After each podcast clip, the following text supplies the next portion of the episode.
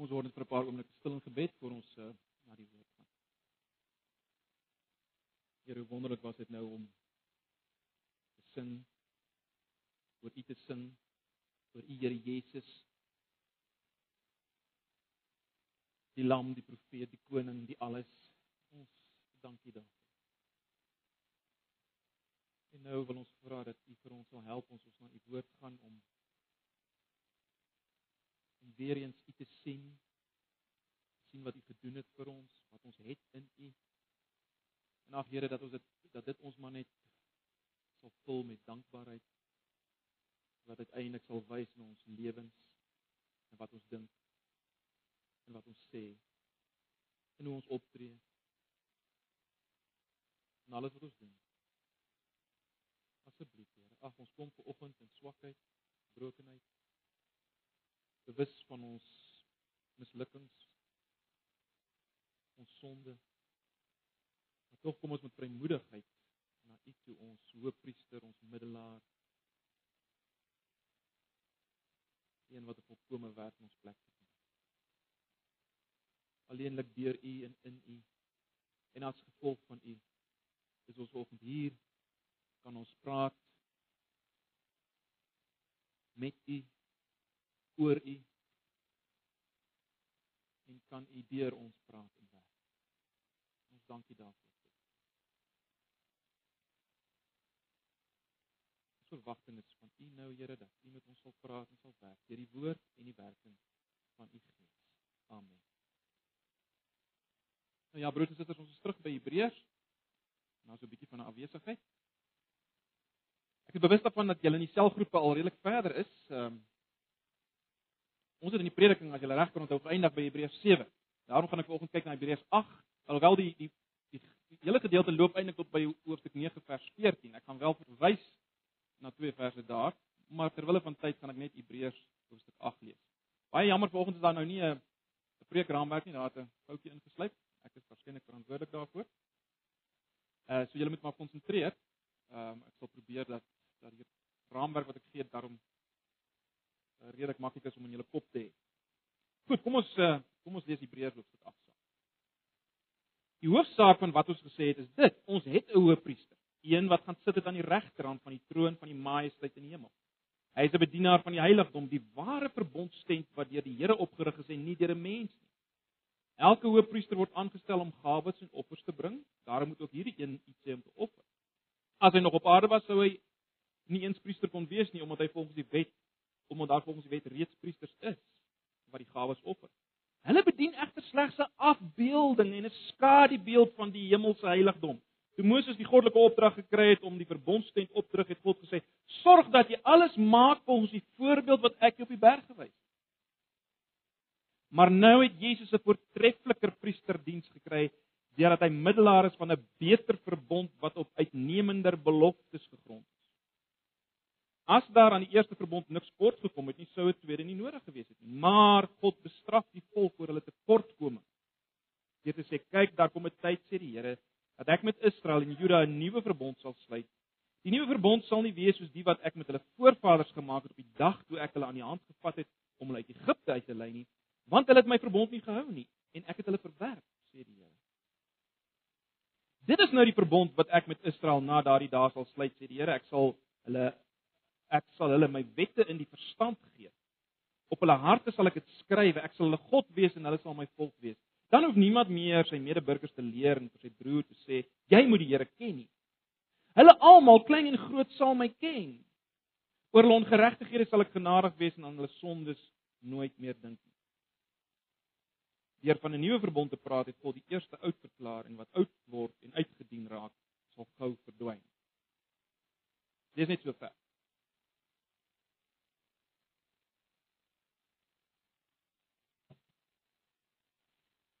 Wat sou jy iemand antwoord wat die opmerking sou maak? Das eintlik in praktyk geen verskil tussen 'n toegewyde radikale of laat ek so sê toegewyde nie radikale moslim en 'n Christen. As in die praktyk nie regtig verskil tussen 'n toegewyde nie radikale moslim en 'n Christen. Hoe sê jy so iemand antwoord? iemand vertel my net die ander dag dat die die, die sheik van Dubai glo eintlik maar maar alles wat ons glo. Hy stel God ook eers in alles. Hy begin ook sy dag met God. Hy's hy's eerlik, hy's vriendelik. Uh hy leef daai Christelike beginsels uit. Hy leef die beginsel van naaste liefde uit. En natuurlik dan is hy nog baie lief vir diere ook. Hy hordes perde. Wat hy van oral oor die wêreld in Wat is die verskil? Wat is so wonderlik en anders in verband met Christendom?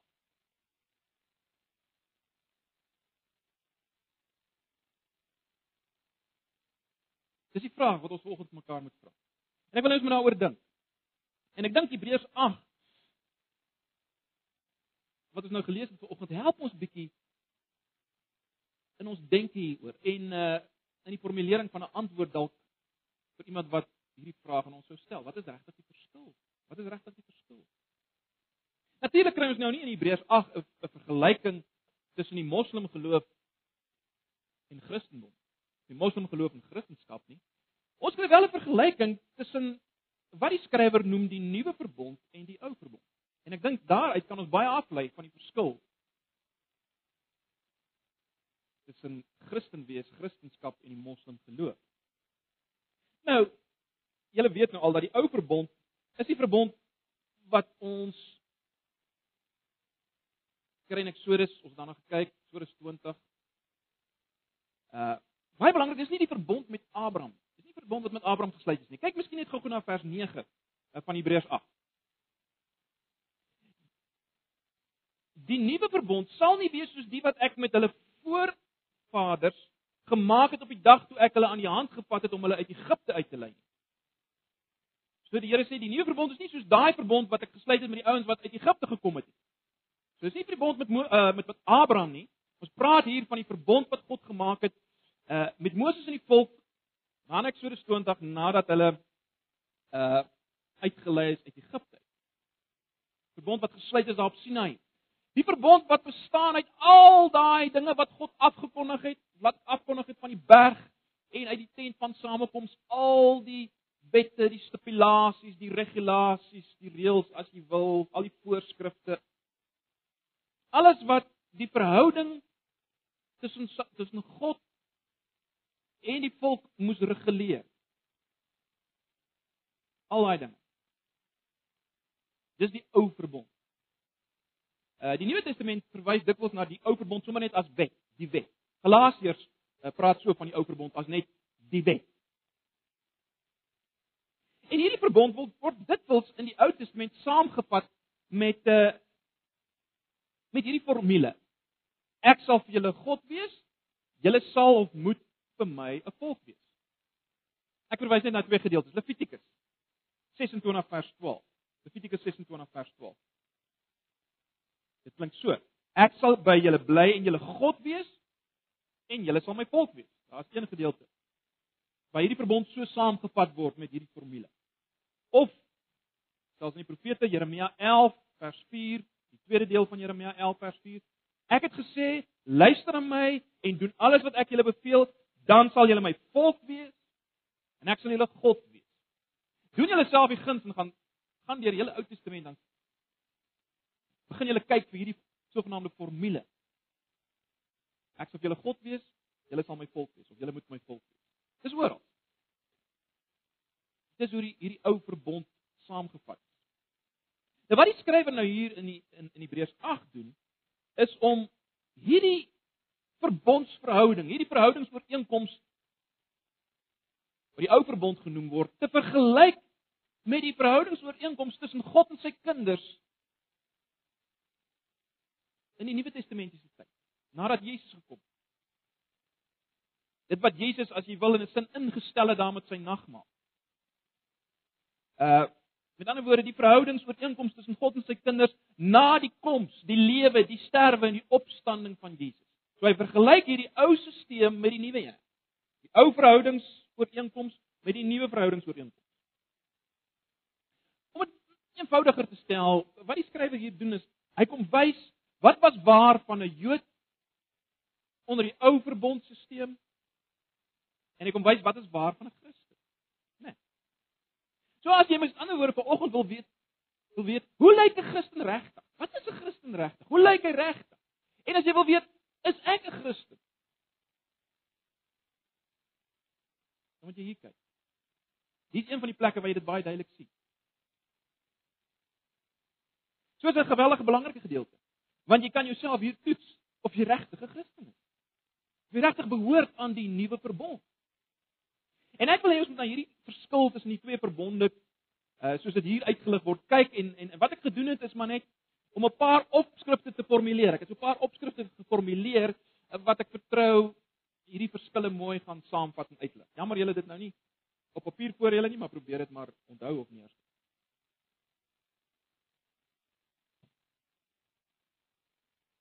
En die eerste opskrif wat ek geformuleer het is dit. Mislukking teenoor sukses of mislukking versus sukses. Mislukking teenoor sukses. Kyk weer na vers 6 tot 9 en dan op vers 12 en 13 net vanaand. Maar nou het Jesus 'n voortreffliker. Luister, ek gaan klem nou op 'n paar goed. Jesus, maar nou het Jesus 'n voortreffliker priesterdiens gekry deurdat hy middelaar is van 'n beter verbond wat op uitnemender beloftes gegrond is. As daar aan die eerste verbond niks kort gekom het nie, sou 'n tweede nie nodig gewees het. Maar God bestraf die volk oor hulle tekortkoming deur te sê: "Kyk, daar kom 'n tyd sê die Here dat ek met Israel en Juda 'n nuwe verbond sal sluit.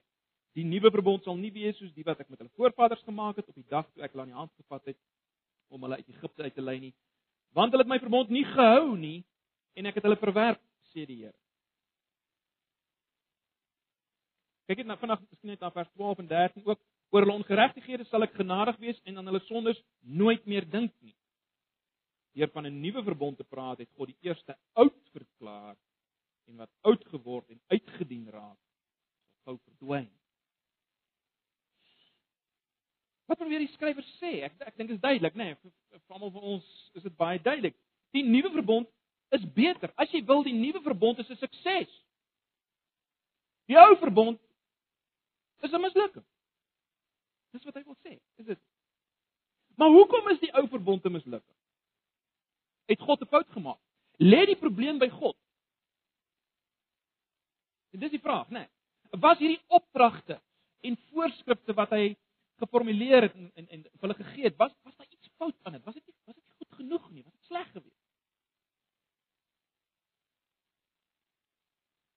Wel Paulus worstel met hierdie vraag dan Romeine 7. En in uh, Romeine 7 vers 1, ag julle hoef nie nou dit na te slaan, julle kan maar by die huis gaan kyk. In Romeine 7 vers 1 vra Paulus die vraag: Is die wet, dit beteken die ou verbond dan sonde? Is dit dan sleg? En dan kom Paulus tot die konklusie in vers 12 van Romeine 7. Hy sê nee. Die wet, die ou verbond is heilig, regverdig en goed. So wat is dan die probleem? Hoekom hoekom Hoekom is dit dan 'n probleem? Wel die antwoord lê by die ontvangers van hierdie ou verbond. Dis waar die probleem lê van hierdie ou stelsel as jy wil, die ou verbond. Kyk weer na vers 8. Kyk weer na vers 8. Maar God bestraf die volk oor hulle tekortkoming. Aan die ander woorde, die hele rede vir 'n nuwe verbond is die tekortkoming van die volk of as jy kyk na vers 9b wat sê want hulle het my verbond nie gehou nie. sien julle dit? Hulle het my verbond nie gehou nie en ek het hulle verwerp sê die Here, daai laaste gedeelte van vers 9. Baie duidelik. Die probleem lê by hulle. Ek het al baie verwys uh, ook in die laaste tyd en ek dink in die vakansie weer daarna verwys na Jesaja 5, né? Nee, uh waar ons 'n lied kry wat wat uh wat God sing oor sy wingerd, die volk Israel. En dan sê hy hy het alles gedoen vir hierdie wingerd en hy verwag dat hierdie wingerd gaan goeie druiwe oplewer, maar o aarde, toe lewer hierdie wingerd suurdruiwe op. Die teenoorgestelde wat God verwag.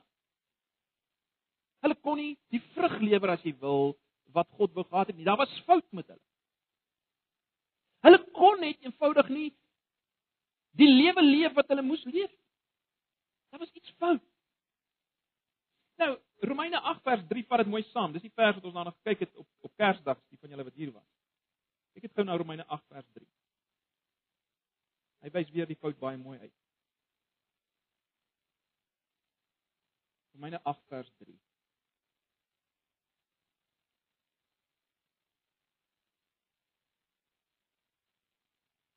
Ons lees hier dat Paulus sê wat die wet nie by magte was om te doen nie. Dis nou die ou verbond waarvan ons praat. Wat die wet nie by magte was om te doen nie omdat dit weens ons sondige natuur te swak was. Dit het God gaan nie nou daai gedeelte uitlei nie, ons het daarna gekyk op Kersdag. Al wat ek wil hê julle moet sien is daai frase. Wat het gemaak dat die wet, die ou verbond misluk? Op swak was. Wel ons sondige natuur. Ons was die probleem. Die mense was die probleem. Sonde was die probleem. En hierdie probleem het veroorsaak dat hulle nie kon weet wat God wil hê hulle moet wees nie. Nou wanneer Romeine 8 vers 3 verwys is die as jy wil is die lewe wat die ou verbond beloof het wat hulle gaan hê. Hulle kon nie daai lewe leef nie. Of as jy wil dan die vrugte voorbring. Hulle kon nie weet wat God wou hê hulle moes wees nie. En dit het veroorsaak vers 9 dat God hulle verwerp. Met ander woorde, hulle was nie aanvaarbaar voor God nie. Hulle het nie toegang gehad by God. Dit het hulle onder God se oordeel gebring. Dit het hulle onder God se oordeel gebring. En as ons nou dit hoor, as ons hoor dat dit het hulle onder God se oordeel gebring, hulle het nie aanvaarbaarheid gehad by God nie. As gevolg van hierdie sonde. Dan verstaan ons hoekom die nuwe verbond beter is? Nee.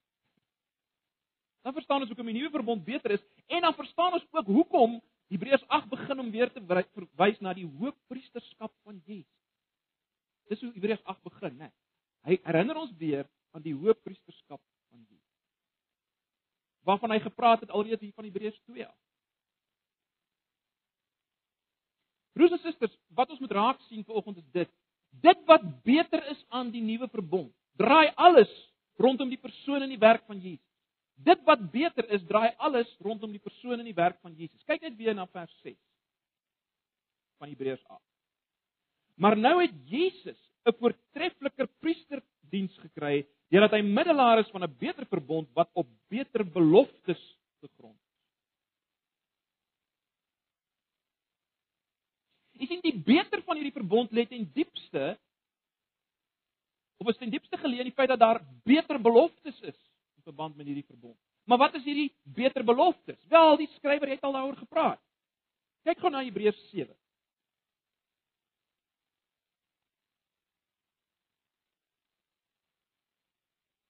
Vers 19 tot 21. Hebreërs 7 vers 19 tot 21. Die wet het nie volmaaktheid bewerk nie. Aan die ander kant het 'n beter hoop ingetree waardeur ons tot God nader. Hier praat hy net van ek gebruik ook die woord beter, né? Nee. Vers 20. Dit het nie sonder die bevestiging met 'n eed plaasgevind nie.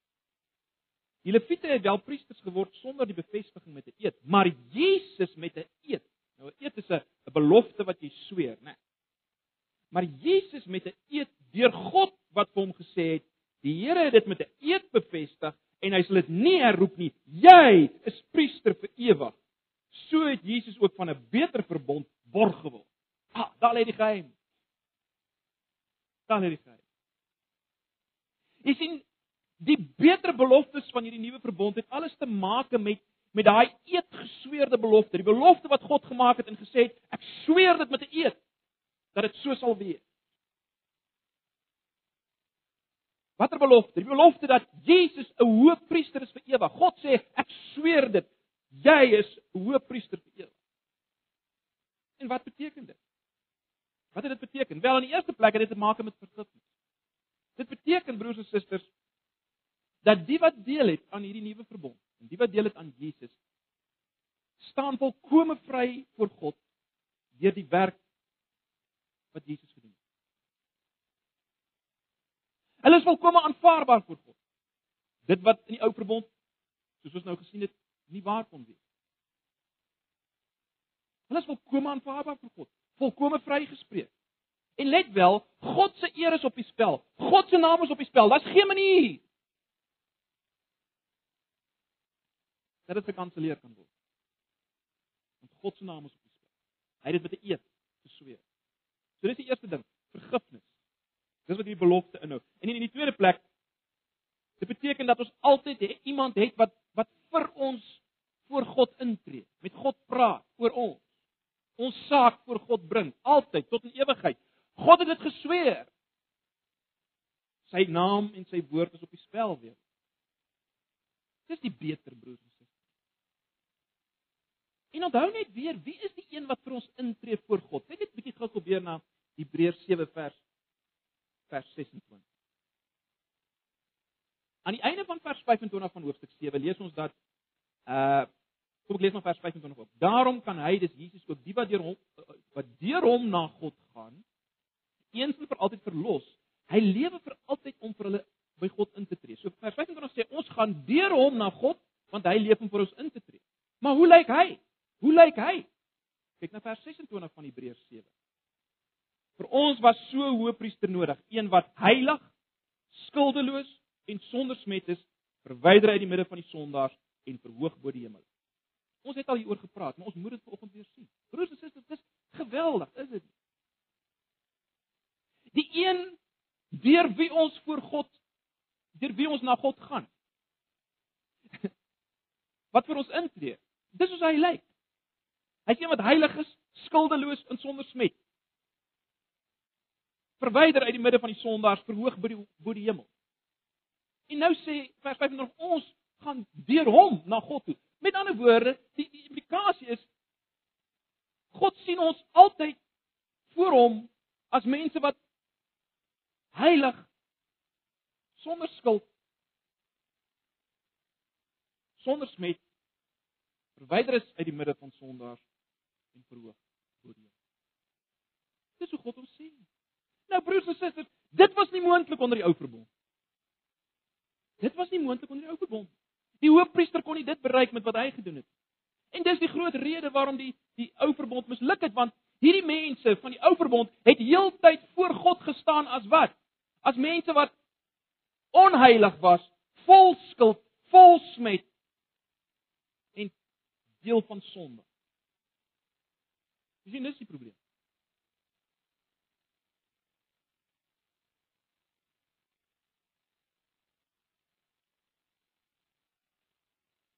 Dis hoekom die nuwe verbond 'n sukses is. Die ou verbond 'n mislukking as gevolg van die werk van Jesus Christus. Maar daar's nog meer. En dit bring my by my tweede opskrif. Die tweede teenstelling. Uiterlik teenoor innerlik. Uiterlik teenoor innerlik. Kyk net vanaand na hoofstuk 9. Ek het gesê ek gaan net 'n vers uit in hoofstuk 9 uitlig. Kyk na hoofstuk 9 vers 13 en 14.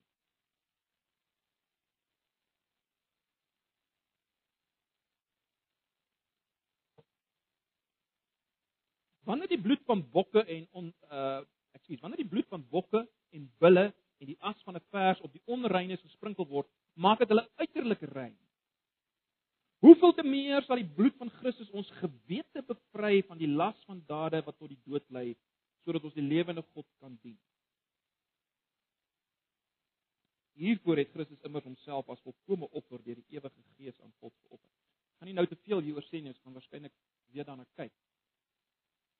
Maar julle sien hier is baie duidelik.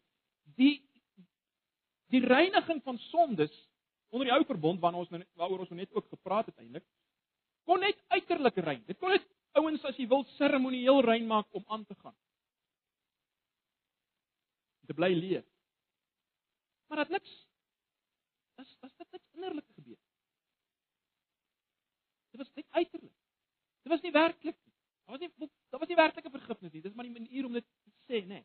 Maar onder die nuwe verbond is daar 'n innerlike reiniging. Hier in jou binneste, jou gewete kan gereinig word. Jy hoef nie meer skuldig te voel nie, want jy kan weet as jy in Jesus is, jy is vergewe. Dis iets innerlik wat gebeur. En en hier in jou innerlike binneste is daar nog iets wat anders is onder die nuwe verbond. Bly net weer terug na Hebreërs 8. Kyk na vers 10. En dit is baie belangrik.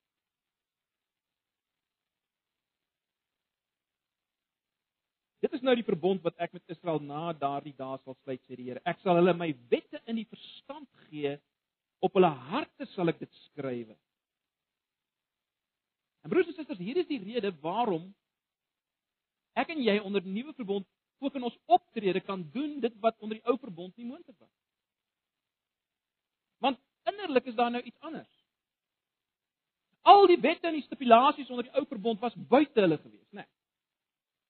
Van buite af is, is daar gesê jy moet dit doen, jy moet daai doen, daar weet, is hulle gegee op papier buite hulle.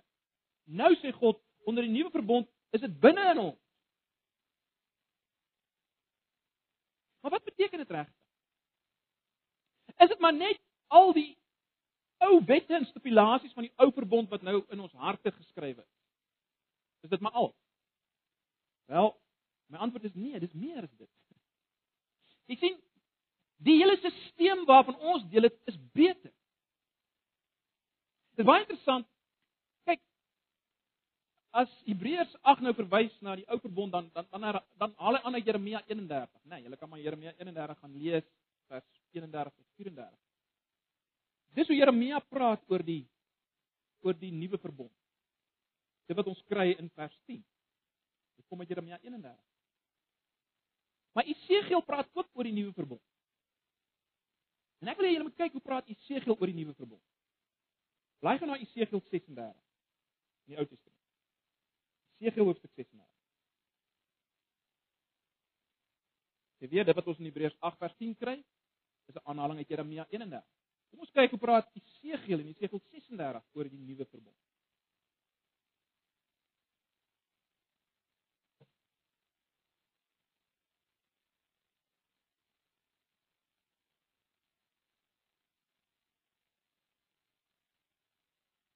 Vers 26 van Jesaja 36. Ek sal julle 'n nuwe hart en 'n nuwe gees gee. Ek sal die kliphart, daai harde onbuigbare hart. Ek sal die kliphart uit julle liggaam uithaal en julle 'n hart van vleis gee. Dan vers 27 van Jesaja 36. Ek sal my gees in julle gee en ek sal maak dat julle volgens my voorskrifte leef en my bepalinge gehoorsaam en nakom. So Esegiel sê die geheim is dit wat in ons harte nou is, is die gees. Dis die Gees. En dit lei tot meer. Uh dis interessant. Paulus sê in Galasiërs 2 vers 20 Christus leef in hom. Christus leef in hom. En dit is baie belangrik broers en susters. In ons harte, in ons binneste is nie maar net weer 'n klomp reëls en regulasies van die ou verbond. Nee, dis meer as dit. Dis nie maar net daai goed wat op papier was wat nou maar net hier binne in is. Nee, daar's 'n lewende persoon in ons. Paulus sê Christus is in hom. Die Gees. Die persoon van die Heilige Gees of as jy wil Jesus is in jou as nuwe verbondsmens. En daarom is die wette wat in jou is in aanhalingstekens baie dieper en baie meer as net die van die ou verbondstelsel. Ek meen dink aan Jesus se uitsprake. As hy vir hulle sê Matteus 25 uh, 5 vers 21 en verder, hy sê julle het gehoor, maar ek sê vir julle. Julle het gehoor, julle mag nie egbreek pleeg nie. Ek sê vir julle as jy met jou as jy kyk en 'n vrou begeer, dan pleeg jy egbreek en so mee. In vers 17 sê hy hy het gekom om om die wet te vervul, nie weer net so in te stel nie. Vervul het nooit die betekenis van herinstel nie. Vervul beteken jy bring dit tot 'n volheid wat dit nie gehad het nie. En dit is wat in ons is. Dis wat in ons harte is in die nuwe verbond. Want jy sien dis 'n persoon wat nou in ons binneste. Die persoon van die Heilige Gees. Christus, die opgestane Christus.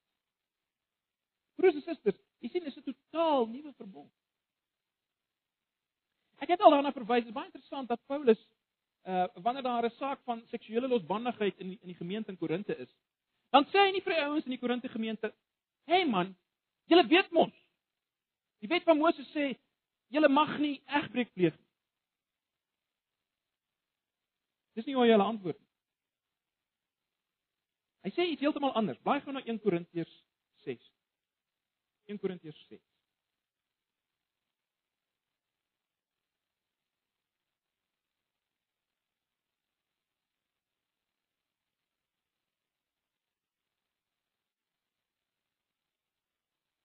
Korintiërs 6 vanaf vers 18 tot 19.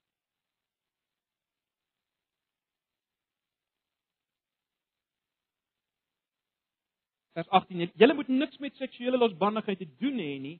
Elke ander sonde wat 'n mens doen vind buite sy liggaam plaas, maar iemand wat seksueel losbandig lewe, vergryp hom aan sy eie liggaam en dan vers 19 is die sleutel. Of besef julle nie dat julle liggaam 'n tempel van die Heilige Gees is nie?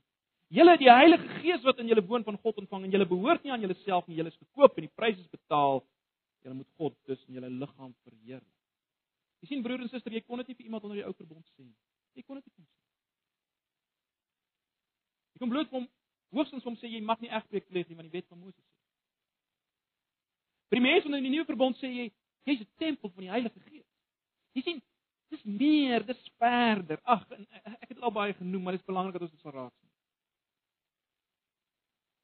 In die vakansie het ons gekyk na Galasiërs 5 waar Paulus sê: "Laat julle lewens deur die Gees beheer word. Nie leef volgens die wet nie. Laat julle lewe deur die Gees beheer word." Jy sien dan doen jy alles wat die wet sê, maar baie meer.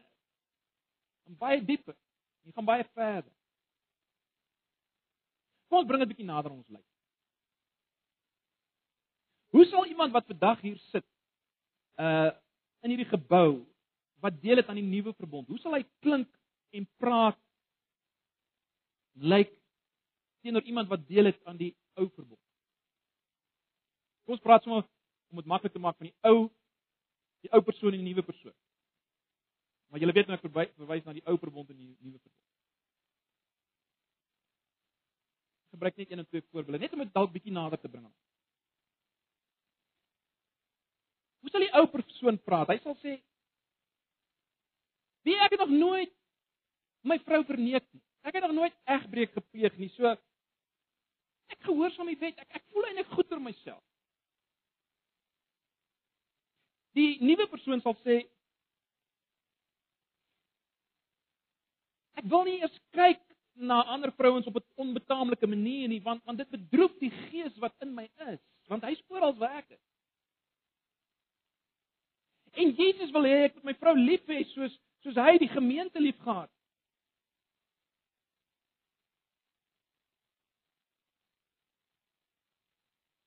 En daarom voel ek nie net goed omdat ek nog nie egbreek gepleeg het nie. Ek pleit om vergifnis dat ek dit nog nie my vrou liefhet soos soos Christus die gemeente elke dag. Jy sien as 'n verskil. Die ou persoon sal sê: "Ag, maar daar's mos nie 'n wet. Daar's mos nie 'n wet wat sê ek mag nie 'n fliek kyk met naaktheid en en seks in nie. Ek meen ek is al 50. Daar's ook nie 'n wet wat sê ek mag nie doen nie." Die die, die nuwe persoon sal sê, maar weet jy, die gees van God is in my binneste, ook as ek daar voor die televisie sit. As sit ek alleen daar voor die televisie op my rekenaar, die gees van God is in my. Weet jy, ek kan nie. Ek kan nie hierdie goed kyk. Want hy sê vir my in die woord in Efesiërs 5, ek moenie deel hê, ek moenie eens praat oor die dinge wat die ander mense in die duister doen nie. Ek moet geen deel hê aan die onvrugbare werke van die duisternis nie. Ek kan dit nie doen nie weet as nie 'n wet. Dis nie die verskil broers en susters. Die ou persoon vra maar, maar is dit verkeerd om 'n paar drankies te drink? Ek bedoel ek ek ek, uh, ek drink by mos nie dronk nie. Daar's mos geen wet wat sê ek mag nie drink nie. En dit is natuurlik heeltemal reg. En die die die, die, die nuwe persoon sal sê ek wil niks doen wat my broer of suster wat ook die Heilige Gees in hulle het, laat struikel nie. En daarom gaan ek soms my vryheid prysgee om 'n drankie te drink wat natuurlik geensins in sigself sonde is nie, maar, maar ek gaan dit soms prysgee. Ek gaan dit soms prysgee ter wille van 'n ander broer of suster wat ek kan laat struikel wat dalk kom uit 'n agtergrond van drank wat ek kan laat struikel deur my gebruik van drank. Jy sien broers en susters, jy beweeg op 'n ander vlak onder die nuwe verbond. Met die Gees in jou. Die ou persoon sal sê ek het daarom nog nooit iets van my buurman gesteel nie. Ek kom die wet na. Die nuwe persoon sal sê wel my buurman kry swaar. Ek weet daar's geen wet wat sê ek moet hom help nie. Maar maar maar die gees in my, iets in my beweeg my om om aan hom te doen wat Jesus aan my gedoen het en elke dag doen. En so kan ons aangaan broers en susters. Maar julle Julle hoor wat ek vir julle sê. Maar daar's nog 'n verskil tussen die ou en die nuwe en die skrywer lig dit hier uit. Daar's nog 'n verskil en ek wil dit so formuleer: formeel teenoor intiem. Formeel teenoor intiem. Vers 11. Skiet, nou moet ons net weer terug gaan na Hebreërs toe. Hebreërs 8 vers 11. Dan hoef niemand meer sy medeburgers te leer en vir sy broer te sê jy moet die Here ken nie. Hulle almal, klein en groot, sal my ken. So die Here sê onder hierdie nuwe verbond sal almal, klein en groot wat deel het aan hierdie nuwe verbond, sal hom ken. As jy altyd iemand hoef te wees wat van buite af sê, hoorie, hoorie, jy moet die Here nou ken nie, hoor. Hulle sal my ken die wat deel het aan hierdie verbond. Het jy al daaraan gedink? Hoe het die gewone Israeliet geweet wat die Here wou wou hê? Wat was die gewone Israeliet se kontak met die Here? Kon die gewone Israeliet sommer enige tyd vir die Here vergifnis vra en hulp vra met hom praat? Het die gewone Israeliet regtig die Here geken? Die antwoord is nee. Moses het Moses het namens hulle met die Here gepraat en hulle gesê wat hulle moet doen. En die hoofpriester het namens hulle 'n offer gebring. In kontak gekom met die Here. Die gewone ou moes eenvoudig tevrede wees dat alle kontak met die Here geskied via Moses en die priester. Broers en susters, vir alle praktiese doeleindes was God eintlik ver van jou eie persoonlike belewing onder die ou verbond. Galasiërs 4 gaan so ver om te sê dat die posisie van die Israeliet onder die ou verbond was niks anders as 'n slaaf nie. Jy was eintlik soos 'n slaaf. Uh, in ons terme, jy was soos 'n plaasarbeider op 'n plaas. Teenoor 'n kind op die plaas. Galasiërs 4 sê die die toestand onder die nuwe verbond Ons toestand is soos die van 'n kind teenoor sy pa. Bly gou na Galasiërs 4. Dis 'n bekende gedeelte. Kom ons lees net daai eerste paar verse van Galasiërs 4. Galasiërs 4. Hy, hy stel dit so mooi.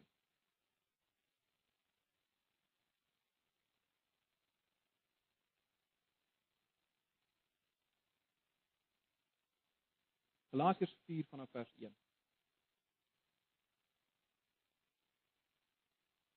Hierby wil ek nog dit sê. Solank 'n erfgenaam nog minderjarig is, verskil sy posisie nie werklik van die van 'n slaaf nie. Al behoort die hele erfenis aan hom. Tot die dag wat sy pa bepaal het, staan hy onder die toesig van voogte en word sy besittings deur bestuurders beheer. En so is dit ook met ons. Nou as hy praat van ons, praat hy van van hulle as Jode, né? Toe ons nog geestelik onmondig was, was ons slawe van wettiese godsdienstige reëls. Vers 4: Maar toe die tyd wat God uh, daarvoor bepaal het aangebreek het, het hy sy seun gestuur, hy is uit 'n vrou gebore en van sy geboorte af was hy aan die wet onderworpe, om ons wat aan die wet onderworpe was los te koop sodat ons as kinders van God aangeneem kan word. En omdat ons sy kinders is vers 6, het God die gees van sy seun in ons harte gestuur en in ons roep hy uit Abba. Dit beteken Vader, Papa. Vers 7. Jy's dus nie meer 'n slaaf nie. Jy's nou 'n kind van God. Omdat jy kind is, het God jou ook sy erfgenaam. Dis ons posisie. Geweldige gedeelte. Kan nie nou daarop uitbrei. Maar dis ons posisie onder nuwe verbond.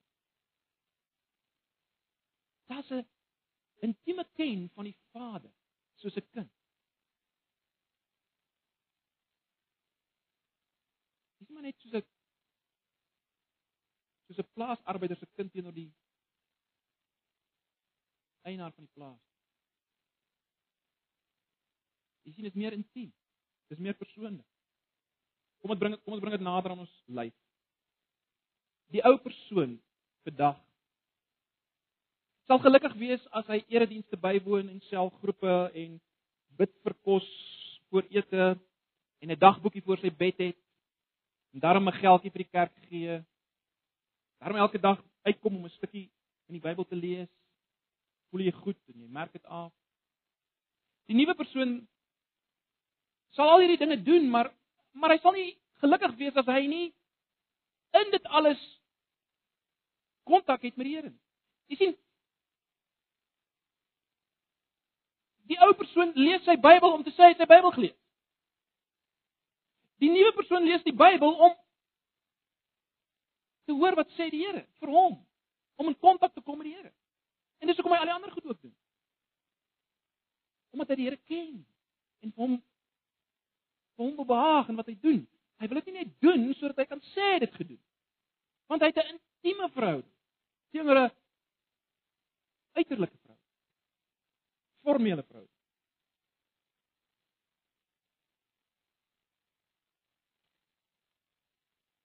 Dit bring my by my laaste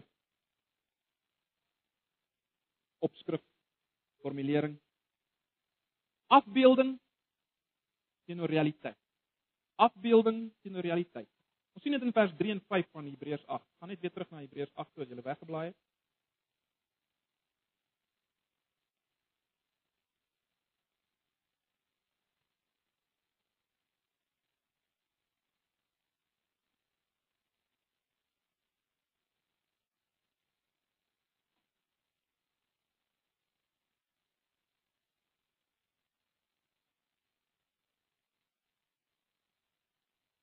Kyk maar net na vers 5 van van hoofstuk 8.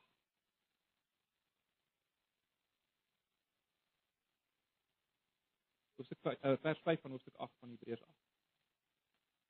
Hulle bedien, dis nou die hoofpriesters van die ou verbond. Hulle bedien egter slegs 'n afbeelding en 'n skadubeeld van die hemelse heiligdom. Toe Moses die goddelike opdrag gekry het om die verbondstent op te rig, het God gesê: "Sorg dat jy alles maak volgens die voorbeeld wat ek jou op die berg gewys het." Jy sien implisiet maak die Hebreërs skrywer die geweldige aanname dat dat die hele verbond, die hele ou verbond was eintlik net 'n afbeelding van die realiteit. Dit was nog nie die realiteit van wat God wil vir die mens. Uh hoe wys hy dit? Wel hy begin deur te wys na die feit dat die die die die tabernakel met alles wat daarin was en alles wat daarin gebeur het, was eintlik net 'n afbeelding van dit wat in die hemelse realiteit gebeur. Het julle dit gesien? Wat hy sê is is dit dat toe Moses vir God 'n plan gewys het van wat hy moet oprig daar op aarde, wat Moses gesien het was die hemelse realiteit. Dit wat Moses toe opgerig het was 'n afbeelding daarvan. Dit was 'n afbeelding daarvan. Die implikasie is dat alles wat daar was in die afbeelding, alles wat daar gebeur het, was nie die eintlike nie. Dit was net 'n afbeelding. En een van hierdie dinge wat nie die eintlike was nie en net 'n afbeelding was die persoon in die werk van die hoofpriester, né? Nee, waaroor ons nou al baie gepraat het. Die punt is broers en susters, wat die Hebreërs skrywer wil wil maak is dat ek en jy, ons wat na Jesus alleen gevlug het vir verlossing, ons wat deel het aan die nuwe verbond, is besig met die realiteit. Ons is besig met die realiteit. Kom ek verduidelik dit Miskien net so. Ons weet daar's 'n reuse verskil tussen waarmee kinders hulle besig hou. Kinders se speletjies en uh dit waarmee volwassenes besig is. Ons ek hoop. Nee, wat ek bedoel is dit. Kinders kan dokter dokter speel. Juffrou juffrou speel en so meer. Jy sien is net 'n afbeelding van die ding waarmee volwassenes besig is, die werklikheid.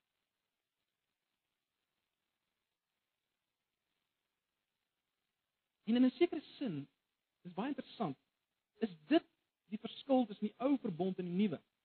Blaai gaan na Galasiërs 3 weer. Galasiërs hoofstuk 3.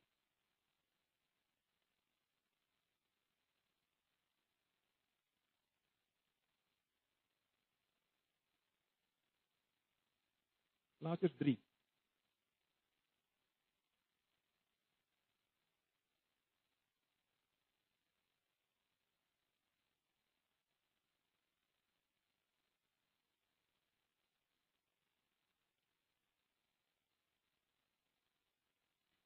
vers 23 lees ons voordat hierdie geloof gekom het. Nou wat is hierdie geloof waarvan die skrywer praat?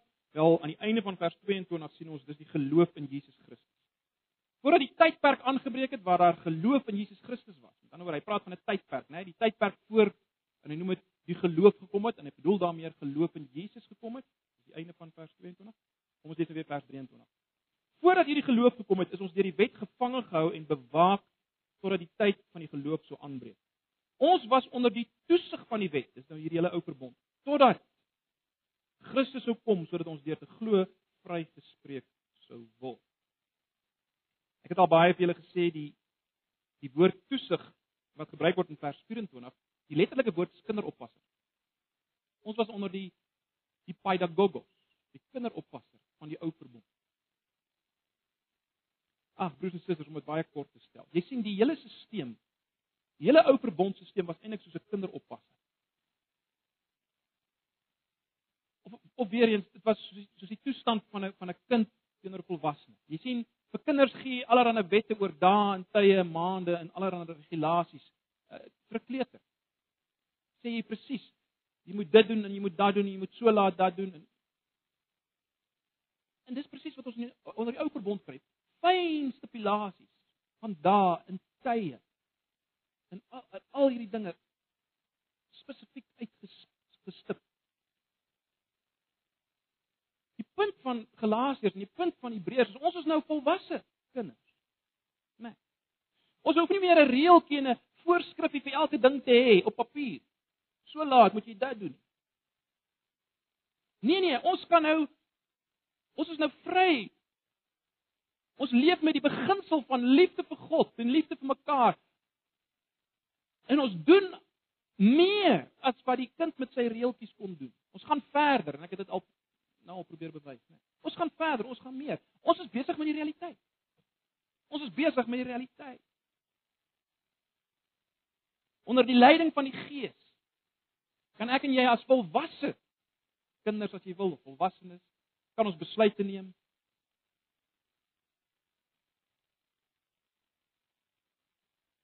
Binne die raamwerk van die nuwe verbond, liefde vir Jesus en liefde vir mekaar, ons kan besluite neem self. Ons het nie meer reeltjies nodig vir elke ding. Dit is die laaste kenmerk van die van die ou verbond teenoor die nuwe. Afbeelding teenoor realiteit. Ek maak klaar. Wat ons osself natuurlik moet afvra broers en susters is is dit. Waarmee is ons besig? Ons is antipas. Is ons besig met die ou of is ons besig met die nuwe? Ons kan net daai vraag beantwoord as jy jouself afvra. Jy wat hier sit wat deel is van antipas. Is jy, is ek besig met die ou of die nuwe? Waarmee is ek besig? En ons moet vanoggend vir mekaar sê, die ou is natuurlik geen Christendom nie. Dis nie Christendom nie. Dis godsdiens. En ons het niks mee te maak met dit nie. Ons is nie meer godsdiensmense nie. Ons is Christene. Die Moslem geloof is 'n godsdienst. Ons onder die nuwe verbond. Dit is totaal iets anders. Totaal iets anders. Jy sien hierdie godsdienst gaan jou nie help nie. Godsdienst gaan jou nie baat op die oordeelsdag nie. Al was jy bekend as die beste, die oulikste, die vriendelikste mens, hulpvaardigste mens wat lief is vir diere. Dit gaan jou nie help. Dit gaan jou nie help. Dit gaan jou nie help as Jesus Christus nie jou hoofpriester is en jou verlosser nie, die een wat vir jou intree en vir jou 'n volkomme offer bring. Van hierdie goed jou niks help. Jy sien, dis die verskil. Dis die verskil.